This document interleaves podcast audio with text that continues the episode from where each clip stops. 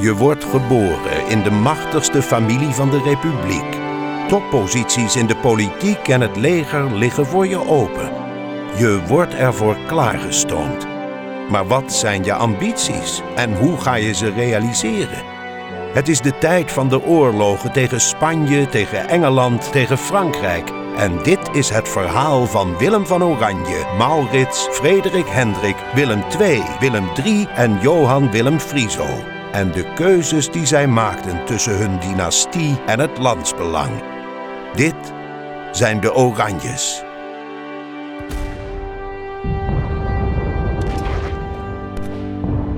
We beginnen nu bij het begin, 1544.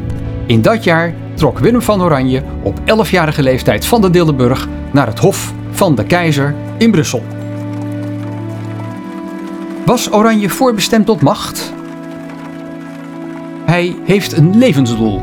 Dat is het uitbreiden van zijn eigen macht en die van zijn familie. Van de housmacht.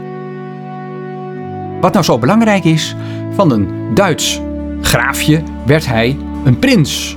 Van een edelman een vorst. In deze tijd sluit hij ook een huwelijk met zijn buurvrouw Anna van Buren.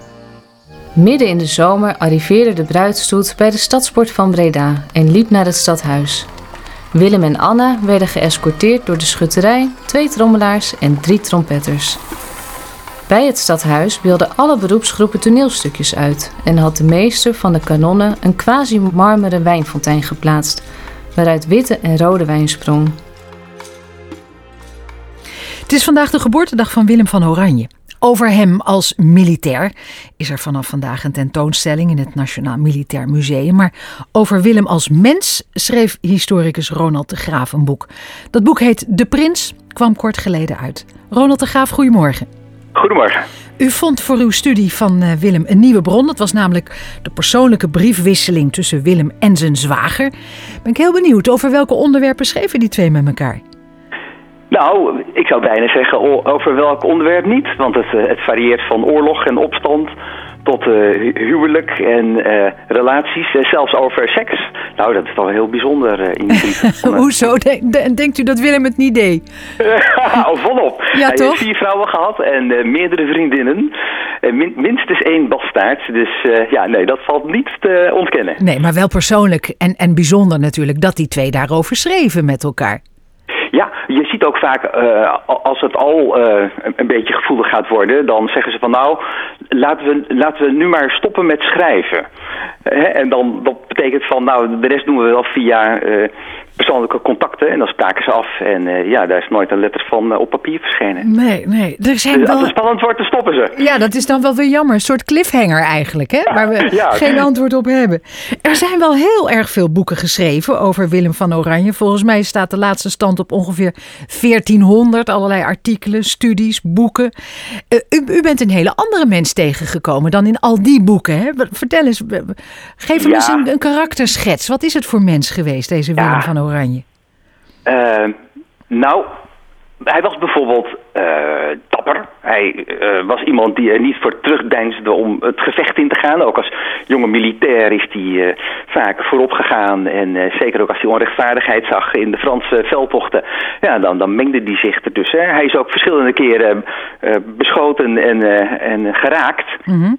En uh, uh, aan de andere kant, hij was ook een enorme diplomaat. Hij, uh, hij, kon heel goed gesprekken voeren met mensen. Of het nou ja, hele gewone mensen waren, of lage militairen, of, of, officieren, of diplomaten. Zoals de, de, de keizer, Karel V en Philips II, die waren gek op hem. Ja. Ja, en, ja. en, en, en hoe was hij als mens? Ik bedoel, was, was hij aardig? Was hij jaloers? Was die, had hij een ochtendhumeur? Ik noem maar wat. nou, Eigenlijk is het antwoord dat, je, dat hij zich altijd enorm in de plooi wist te houden. Hij, hij werd natuurlijk wel de zwijger genoemd, als, als, dat is een beetje ten gevolge van de vertaalfout. Hij was helemaal geen zwijger, maar hij was wel een klein beetje een verzwijger. Hij kon prima mensen overtuigen en als het mo moest ook manipuleren. Maar ja, hij, je, zag het eigenlijk nooit aan hem. Hij bleef altijd... Uh, ja, de, diplomaat en de, hoffelijke cavalier. Dus mm -hmm. Ja, Ja. maar hij, hij was eh, qua karakter niet heel erg sterk, toch? Tenminste, ik, ik lees in uw boek dat hij zelfs een burn-out heeft gehad. Niet dat, Ja. dat, een, dat, dat dat een kwestie van karakterzwakte is, maar ik bedoel, niets Ja. menselijks was hem vreemd. Nou, dat is mooi gezegd. Hij, hij was inderdaad een mens van vlees en bloed. Ik vind hem wel een ontzettende idealist die dag en nacht eh, ja, eh, werkte. Hij kon wel genie- genieten van feestmalen. Hij kon ook genieten van luxe. Maar het, het, het was vooral een, een, een idealist, zeker geen heilige. Maar die, ja, die burn-out... Je je moet ook voorstellen, in het begin van die oorlog, dan, dan alles zit tegen en dan begint die oorlog eindelijk. En dan wordt ja, Haarlem wordt belegerd en Haarlem valt. En dat was toch een soort Stalingrad. Ja, Alva wilde per se Haarlem hebben en Willem wilde, wilde dat ook. Eh, Willem verloor, of de opstandelingen moet je natuurlijk zeggen, de opstandelingen verloren. En dan begint het beleg om Leiden. En dan had hij een mooi plan bedacht, een soort, eh, ja, een soort afleidingsaanval. Die- dan zijn broers moesten ondernemen in het zuiden van het land. En dat leidt tot een vreselijke nederlaag op de mokerhei. En eigenlijk, ja, de mokerhei werd een soort mokerslag voor Willem. Want dan, ja, dan zit hij echt helemaal in zak en as. Die lichamen zijn ook nooit meer teruggevonden van, van, van die broers. En, en dan is hij ook vreselijk bang dat Leiden hetzelfde lot te wachten staat als Haarlem. En dan, ja, hij schrijft ook telkens aan de laatste overgebleven broer Jan van... Ik, ik ben zo alleen en er is niemand die mij helpt. En, en hij vraagt ook of Jan komt, hij vraagt of Gunther komt. Maar Gunther die is ziek en Gunther kan ook al niet komen. En dan voelt hij zich ook vreselijk eh, eenzaam. Ja, op een gegeven moment dan, dan. Ja, in Leiden breekt ook de pest uit. Dus nou zijn de doktoren niet helemaal zeker wat hij nou had. Of het toch een soort pestverschijnselen waren. Maar hij wordt ziek Ja. in Rotterdam. eh, zelfs vrij ernstig. En de eerste dokter die, die weet eigenlijk ook niet goed wat hij ermee aan moet. En dan komt Pieter van Foreest. En ja, die weet hem dan uiteindelijk wel te genezen. Maar als je dan die verslagen leest, dan ligt hij daar heel eenzaam in een kamer in, in de zomer. Eh, ja, ja, iedereen heeft hij ook weggestuurd. Dat klinkt En, wel eh, heel ja, zielig eigenlijk. Maar ja, Ja, hij was zelf ook geen lievertje. Hè? Want ik, we krijgen een mailtje van een luisteraar. Ja. En die schrijft van nou, eh, hij, hij was ook een brandschatter. Eh, de provincies Noord-Brabant en Limburg. Daar heeft hij ook een, een moord laten plegen op 23 priesters. Eh, kloosters in de, in de fik gestoken. Roldoek, Hoogkruts. Zo'n lievertje was hij dan ook weer niet, hè? Nou, dat ligt wat lastig. We hoeven niet een hele ingewikkelde discussie, maar een aantal jaren geleden werd hij inderdaad ook beschuldigd in een proefschrift van, eh, van oorlogsmisdaden. Als je dan precies gaat kijken in de bronnen, dan kijk in de laatste fase van zijn leven was hij dienaar van de Staten-Generaal. Hij, hij, hij was eerst een soort egoïst, die, die, waarbij het vooral om zijn eigen bezit ging in de dynastie. Nou, daarna wordt hij een opstandeling, maar als die opstand dan ook lukt, dan, dan wordt de Staten-Generaal, die, die worden de baas. Hè. Dat, zo hoort dat ook en dat wilde hij ook.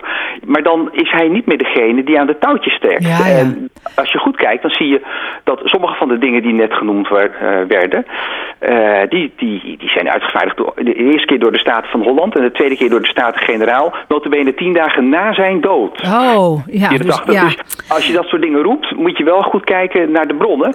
En ja, die zijn beschikbaar. Dan klopt het Eh, misschien dan. betreft die kloosters, eh, dat is wel waar. Het is niet zo dat hij daar opdracht toe heeft gegeven.